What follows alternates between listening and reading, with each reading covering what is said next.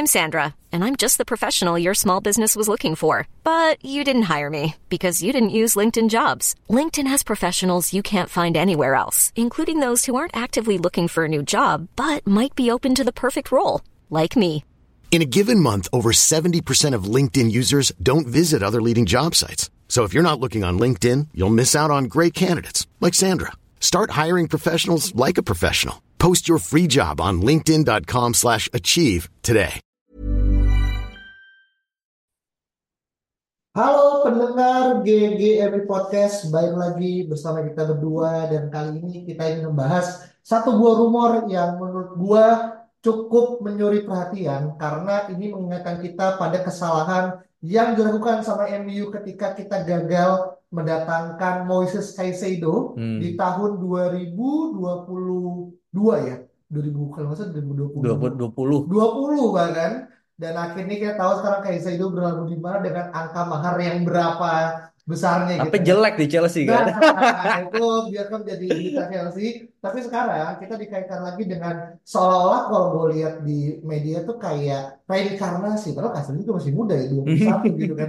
Itu benar reinkarnasi itu adalah eh, Oscar Zambrano, Hmm. pemain 19 tahun yang sekarang bermain di LDU Quito, eh, Hmm. klub lokal di Ekuador. Nah, lu gimana, Vin? Menanggapi rumor ini, Vin? Iya, gue sebenarnya ketika dulu ya ada rumor Caicedo ini mau dibeli MU, gue mungkin agak skep apa skeptical gitu kayak ini Caicedo segitu bagusnya nggak ya? Hmm. Kayak gue ngeliat klipnya tapi kayak gue mungkin bukan tipe orang yang suka banget beli-beli pemain muda ya. Ya. Gue lebih suka beli pemain yang udah jadi karena gue merasa bukan jadi yang kayak udah bintang ya, tapi karena MU ini menurut gue spine-nya belum terbentuk. Ya. gitu. Jadi gue merasa spine-nya bentuk dulu untuk menjadi tim yang kuat, kemudian barulah setelah itu kita fokus ke pemain muda.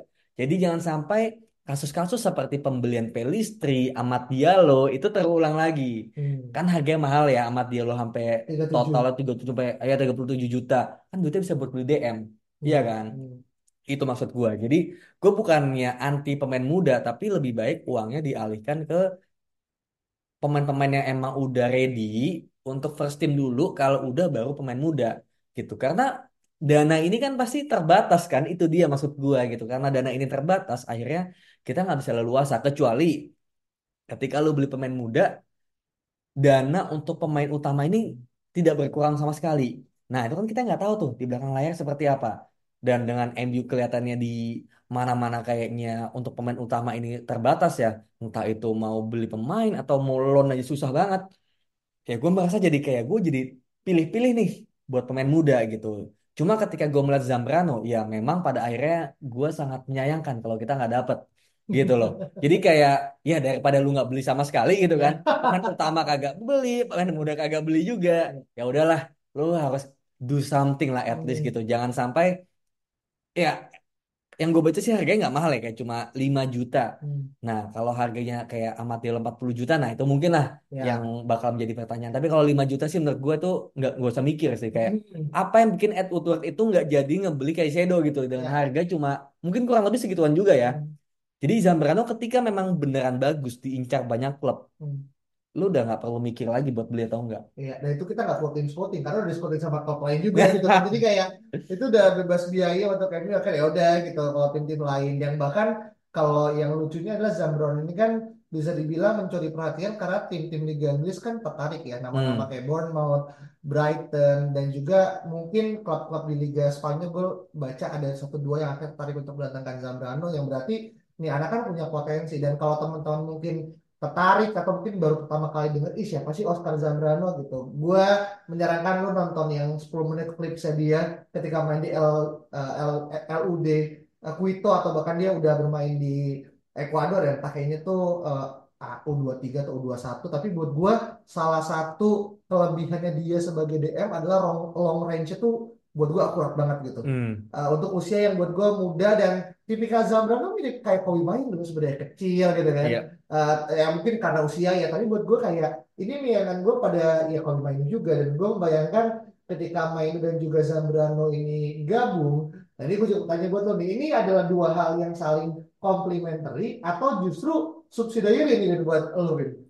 Iya, em, menurut gua kalau dari sisi bertahan ya Zambrano lebih ke bertahan sih menurut gua gitu. Hmm. Lebih ke bagaimana dia bisa merebut bola, kemudian mungkin staminanya ya, Iya. dan juga mungkin chasing player gitu. Jadi gue melihat kalau misalnya bisa diduetkan, let's say menjadi double six atau double pivot antara Zambrano dan juga Mainu, mungkin Zambrano bakal lebih kepada defensive midfieldnya Hmm. yang menjaga di depan back gitu. Kemudian Ya. Mainunya bisa lebih ke depan sedikit gitu. Dia bakal di sampingnya Zambrano tapi bisa punya akses buat ke depan gitu. Jadi ini sebenarnya duet yang bagus nantinya mungkin bakal seperti itu dan Zambrano juga kita kan nggak punya DM yang benar-benar prime ya gitu. Ya. Jadi kita coba kita alih apa ya coba alih fokuskan daripada kita beli yang udah tua ya kayak Casemiro bukan berarti dia jelek Hmm. tapi kita ya coba making stars gitu kan kita Hmm. coba beli ketika berpotensi kemudian ya kita bangun gitu cuma ya memang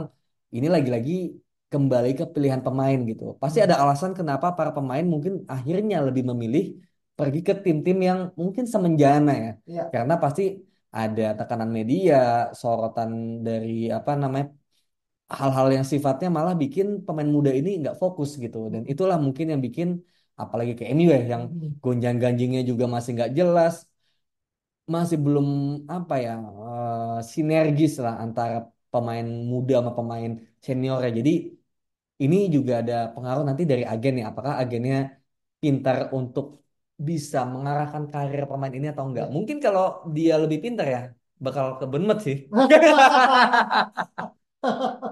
Iya. Oke, nah ini menarik karena memang sebenarnya gue pun terlepas gue berharap banget dia ke MU, tapi kalaupun kita mau datangin dia, tapi kita tahu kita nggak bisa ngasih banyak game eh, gameplay time ya, gue sih nggak masalah sih untuk di apa ya dipinjamkan lah ya. Jadi kayak kita beli tapi kita pinjamkan lagi ke tim Liga Inggris gitu kan. Selama dia nggak main lawan kita aja sih, buat gue fine gitu kan. Jadi eh, nggak apa-apa, Bournemouth silakan dipinjam tapi secara hak eh, as in kepemilikan ya itu eh, properti punya MU gitu kan. Masalahnya gitu ya. Tapi menarik Vin karena sebenarnya kenapa nih Zambrano nih eh, mencari pelatih ya? Karena dia tuh juga udah menembus skuad utamanya LDU Quito itu di usia 17 tahun gitu. Yang mana Hmm. ya mungkin kita bisa eh, berdalih kayak ya mungkin dia main di Serie A-nya Ecuador tapi ya timnya Zambrano ada tim yang sama yang dibela sama Moses Caicedo juga gitu. Hmm. yang berarti penglihatannya pelatihnya LDU Quito yaitu memiliki cara pandang yang sama ketika dia men- eh, men-nurture ya eh, Moses Caicedo juga gitu kan. Jadi ya why not gitu kan kalau LDU Quito bisa jadi kayak semacam kayak Benfica atau Portonya tapi dari versi apa namanya eh, Liga Ekuador gitu ya. Kayak Iya. kita punya Santos di Brazil eh, dan segala macam gitu kan. Dan Zambrano buat gua adalah pemain yang harus dilihat sebagai calon masa depan. Tapi balik lagi nih ke biaya gitu kan. Di mana sebenarnya harusnya ya se sebangkrut bangkrutnya MU ya sekitar akhirnya mungkin gaji ketinggian yang ngebuat kita nggak bisa menjangkau eh, FFP kalau memang kita nggak terlalu berhati-hati. Tapi buat gue 3 juta euro, kalau di sini gue baca 3 juta euro ya, Hmm. itu mah masih dalam kondisi yang nggak terlalu berpengaruh ya dalam raca gitu ya. Kecuali kita ngebit dia dalam dia ke 20 ke atas, nah itu mungkin kita perlu berpikir ulang. gitu. Tapi dengan bersaing dengan tim-tim kayak Bournemouth, kayak Brighton gitu. Nah, lo ngerasa buat pemain di era sekarang gitu kan yang buat gua cenderung lebih percaya pada proses ketimbang dia keburu-buru untuk pindah ke tim yang besar sedangkan nggak dapat menit bermain gitu. Nah, lo ngerasa Zambrano ini akan ikutin jejak ke Kaisedo atau dia mencoba kayak enggak kalau gua ada waktu sekarang ya sekarang aja gitu buat akhirnya pindah ke tim besar gitu Vin.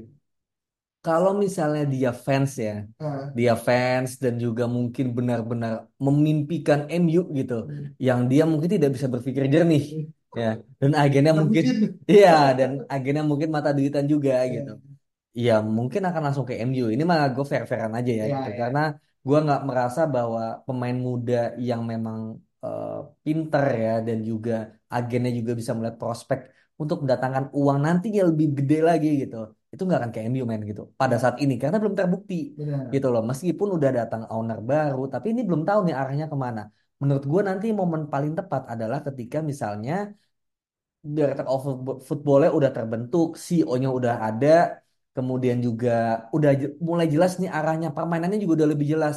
Nah, barulah itu nanti menurut gue pemain muda bisa datang ke MU gitu, karena yang visinya Ten Hag ini kan adalah menyamakan visi bermain antara tim senior dan juga tim muda. Ya, Jadi tim muda ini ketika main ke, ke tim senior itu udah tahu mainnya kayak gimana. ya. Mirip kayak di Ajax. Hmm. Jadi ada yang pergi gampang tinggal ngambil dari bawah dan udah tahu mainnya sama. Ya. Gitu. Ini kan nggak pernah kayak gitu dari dulu gitu. Ini baru pertama kalinya mau diimplementasi tapi nggak mungkin cuma dari kerja pelatih doang. Ya.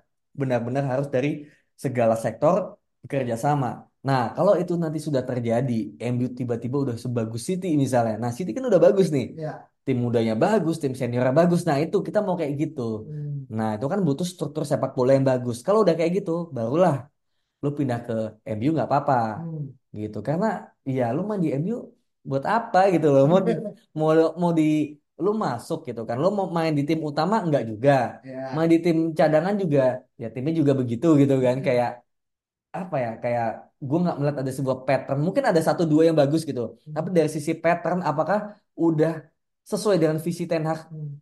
dan sama gitu dengan tim senior senior aja nggak tahu mau main kayak apa gitu loh tim mudanya juga jadi makin bingung kan ini gue mau main kayak apa gitu jadi kalau ini udah sesuai barulah itu bisa menjadi wadah pemain muda untuk berkembang di sana Hiring for your small business? If you're not looking for professionals on LinkedIn, you're looking in the wrong place. That's like looking for your car keys in a fish tank.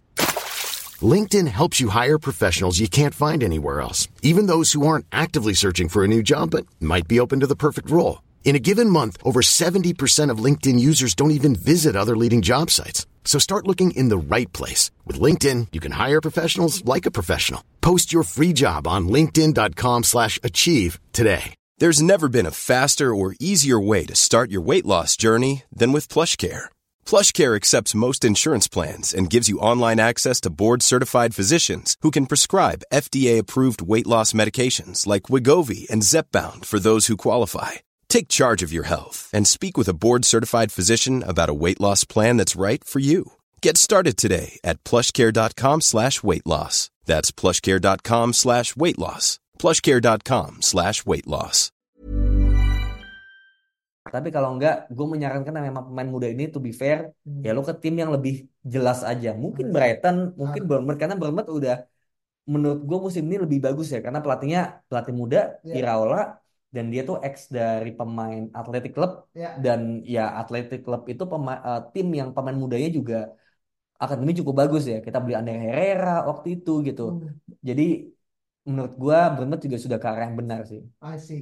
Jadi kasarnya kayak tim-tim ya kita ngomongnya semacam kayak tim-tim eh, kelas 2 ya kayak Hmm. Atau mungkin ya mungkin kalau mau ngomong Brighton kelas 2 kayak ntar banyak pro kontra tapi menurut gua adalah tim-tim yang akhirnya sekarang emerging Ya. itu punya nilai jual yang tambah karena bisa memberikan game time gitu kan Hmm. dan ada proof yang dibuktikan kayak lu ke gua dulu aja 2-3 tahun lu gue yakin bisa pindah ke tim lain di mana lu lebih matang untuk bisa bermain di kancah tinggi ya, Liga Eropa gitu Oh, kan itu ya segi kan? karir kan. Iya Dari sisi uang nantinya kan juga harganya bisa lebih tinggi, kemudian gajinya bisa lebih tinggi juga dan buat agen mungkin ada fee juga Iya, ketika pasti. bisa eh, menjadikan itu menjadi nyata gitu. Lo bisa bikin pemain ini dari, dari yang kecil kemudian jadi besar, transfer fee-nya bagus itu kan agen juga bermain gitu. Dan kita nggak ada yang nggak ada yang akhirnya gue gue yakin nggak ada yang mungkin pernah menduga kalau pembelian termahal Liga Inggris kan Moses Caicedo kan Hmm, 125 ya iya kalau nggak salah. iya kan? Ah, segituan ah. kan di mana tuh bisa dia udah hampir 1,8 triliun gitu. Jadi kayak ketika dia mungkin pertama kali main di LDO itu juga bermain di Liga Inggris salah satu mimpi dan itu udah unlock gitu kan. Tapi ketika memecahkan rekor British lah gitu kan. Kayak buat gua itu udah satu hal yang mungkin dia juga gak nyangka-nyangka gitu kan. Pemain dari Ekuador segala macam. Tapi oke lah kita mencoba untuk uh, melepaskan fakta kalau Tapi paling gini sih, apa gue juga ngeliat kayak Chelsea ini kan juga bisa dibilang adalah tim yang eh, baru dibeli sama Ya. Todd Boehly, kemudian gue belum melihat nih Chelsea ini mau kayak gimana gitu. Ya. Mungkin arahnya lebih kepada dia mengumpulkan pemain muda, Benar, terus benar. dipinjem-pinjemin kan. full Iya. Nah, dan ini juga menurut gue, gue ngeliat Caicedo gitu loh, kayak Iya. Caicedo kan juga mau pindah ke Chelsea kan. Padahal dari sisi prospek bermain sebenarnya gue merasa Liverpool lebih cocok buat dia Ah. gitu, ya kan. Hmm. Lebih cocok, wadahnya udah ada, semua udah ada, cuma mungkin gajinya lebih kecil daripada. Chelsea Hmm. gitu. Jadi mungkin Chelsea meskipun sama-sama nggak jelas juga, Hmm. tapi duitnya banyak gitu. Duitnya banyak, Iya, gajinya iya. tinggi Iya. gitu loh. Kontraknya panjang. Kontrak kontraknya panjang gitu. Jadi atas sudah ada garansi bahwa lo bakal digaji sekian dalam jangka waktu 9 tahun gitu Iya. kan. MU nggak bisa provide dua-duanya. Jelas kagak, duit kagak ada juga gitu. Jadinya jadinya nggak punya daya apa ya daya tariknya itu nggak ada menurut gua gitu. Ya selain daripada sejarah ya. Daripada sejarah gitu ya. dengan besar MU yang digadang-gadang menjadi tim yang paling nah nomor satu nomor dua fans terbanyak di eh, dunia tapi buat gua apalah arti itu kalau misalnya nggak dibuktikan di lapangan hijau gitu Sulit kan sulit untuk mencari pemain yang secinta MU kayak Højlund sih. ah Iya kan dia adalah pemain yang kayak ya emang rela buat MU gitu Iya. dan rela bermain rela mati lah kasarnya gitu mati-matian sampai ganti agen buat ke Hmm. MU kayaknya jarang banget ada yang segitunya gitu. Jadi menurut gua ya kita nggak bisa rely on itu kan berarti kan sejarah kan dia Iya. ngefans. Kita nggak bisa mengandalkan itu aja. Memang kita project base harus bagus dan kayak Jude Bellingham itu udah benar dia ke Dortmund dulu kemudian ke Madrid. Bodoh kalau dia ke MU gitu loh. Iya, iya. kemudian yang kita bacakan dari eh, kemarin ya bahwa dia hampir diberikan mungkin final speech ya dari Sir Alex Iya. Se- sejarah lagi kan berarti kan. Nah, emang andalan kita tuh di situ bukan project tapi bagaimana sentuhan Sir Alex seorang legend hmm. kemudian memberikan mungkin petuahnya. Ya itu kan sebenarnya mungkin bakal sukses kalau pada saat itu dilakukan. Tapi lagi-lagi yang kita andalkan apa? Sejarah sejarah. gitu. Bukan sebuah project. Projectnya apa yang nggak jelas pada saat itu kan. Hmm. gue nggak merasa projectnya ini jelas gitu. Hmm, Iya, iya, iya, iya. Ya ini adalah hal yang sebenarnya menjadi PR ya karena jangan sampai brand besar seperti ini tenggelam dalam nama besar sejarahnya gitu. Tapi kita nggak punya project yang jelas. Bahkan kalau kita terus tergelincir ya, bisa jadi 20 tahun dari sekarang City udah ngelebihin kita secara trofi gitu kan. Dan ini Hmm. lagi on the track di mana harusnya fans MU mulai khawatir gitu kan. Mau dibawa ke mana nih gitu kan kapal besar bernama Manchester United kalau nggak kita bisa asing secara manajemen ya bukan Hmm. kita karena kita nggak punya stakeholder kita nggak punya saham di sana tapi paling nggak sebagai fans sebagai orang yang nonton MU mungkin dari kecil gitu kan sampai sekarang tentu kita gatel lah untuk akhirnya bisa Hmm. mendapatkan apa yang mungkin City dan tim-tim besar lainnya dapetin di era sekarang gitu tapi kalau terakhir kita ngomongin masalah uh, pemain ini gitu ya yang mungkin digadang-gadang sebagai wonderkid gue bisa membayangkan walaupun dia agak sedikit jadi kayak halu ya tapi kayak kalau gue membayangkan ketika akhirnya ada Kobe Mainu ada Zambrano dan juga kita datangkan Joao Neves gitu ya Hmm. dari Benfica ya pernah kita juga bahas secara Iya. spesifik gitu ya di mana dua tiga tiga ini masih berusia 19 dan juga 18 tahun gitu yang berarti kalau kita berhasil mungkin datangkan tiga ini buat gue quote unquote ya kayak midfield eh, problems itu mungkin solve sampai kurang lebih mungkin 10 tahun ke depan gitu kan. Hmm. Walaupun tentu di pemain muda yang ada atau yang bisa dibuktikan adalah konsistensi gitu kan. Segala lalu lihat ketika akhirnya MU mulai menarik kepada Zambrano gitu kan. Apakah bisa jadi Zambrano adalah pembelian pertamanya MU di bawah Ineos sebagai nakoda yang memiliki shareholder 20% gitu. Gue nggak tahu ya ini kayak gembar-gembor Zambrano ini tuh bakal terjadi di Januari atau di summer gitu. Hmm. Karena kalau Januari kan kita beli aja nggak mampu gitu loh. Kita loan aja kayak Ma- Werner juga nggak bisa gitu kan. Hmm. Entah nggak bisa atau apa gitu. Kemudian untuk beli Girassi harus ngejual Martial dulu. Jadi masih banyak hal-hal yang sifatnya lu harus A dulu baru lu bisa B gitu. Hmm. Martial harus keluar, kemudian Casemiro, Varane juga harus di-cut dulu wage-nya gitu, gajinya. Kemudian kita bisa membeli pemain baru yang lebih proper lah kasarnya gitu. Jadi menurut gua ya ini Zambrano ini gue sih udah rela untuk mungkin melepaskan ya dia akan datang ke pergi ke tim lain karena kita pasti fokusnya lebih kepada project di mana kita mengisi pemain-pemain dengan pemain-pemain yang lebih senior sih Iya. gitu. Jadi kalau beli pemain muda, gua harap sih ada dana sendiri ya, gitu. Cuma Hmm. lagi-lagi proyeknya bagus gitu. Tapi kalau kita nggak ada duitnya dan duitnya juga kita masih mengandalkan kita harus menjual-jual dulu, ya bakal kalah sih. Kalah gercep pasti.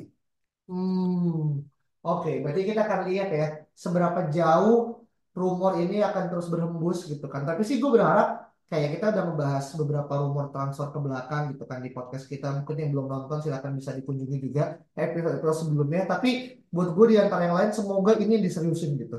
Bisa gue bilang kayak yang lainnya oke lah kita ngasih nilai skor kecil dan berharap nggak datang terlepas mungkin ada pengharapan tapi gue berharap Zambrano dan mungkin kenapa gue akhirnya begitu sure uh, terlepas mungkin gue gue sama Alvin juga nonton Liga Ekuador gitu ya.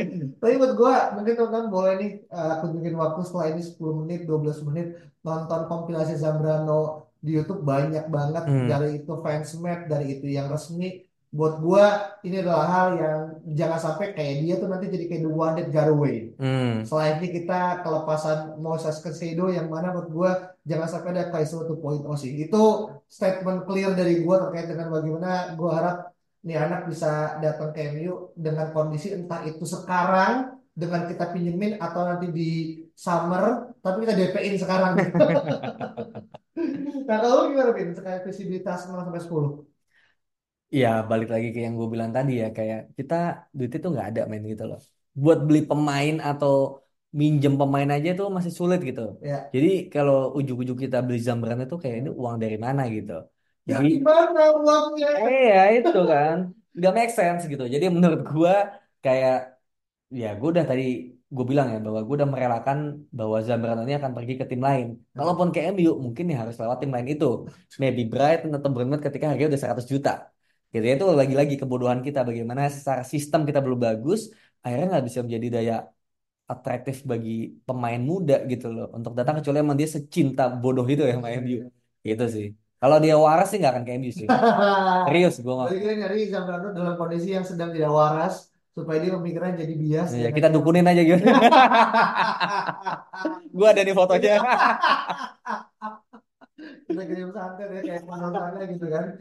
Ah tapi gue takutnya adalah ketika dua tahun misalnya dari pemain ke Liga Inggris, ya mungkin dibeli Liverpool dengan angka 100 juta. Ntar dua tahun lagi tiba ada another apa namanya regenerasi dari Zambrano lagi gitu kayak muncul kayak LDU Quito gitu kan. Di mana kayak kasih dia umur umur 23, Zambrano umur 21, tiba-tiba ada umur 19 tahun yang akhirnya ucuk ucuk ucuk ucuk gitu kan. Zambrano dan New Zambrano gitu kan entah siapa namanya Iya. gitu kan dan lama-lama gue bayangkan kalau akhirnya kayak gitu ntar top 5 transfer terbesar Liga Inggris ya isinya pemain Ecuador. Sebelumnya kan kalau nggak salah Rodriguez ya yang kaos yang Ecuador kan?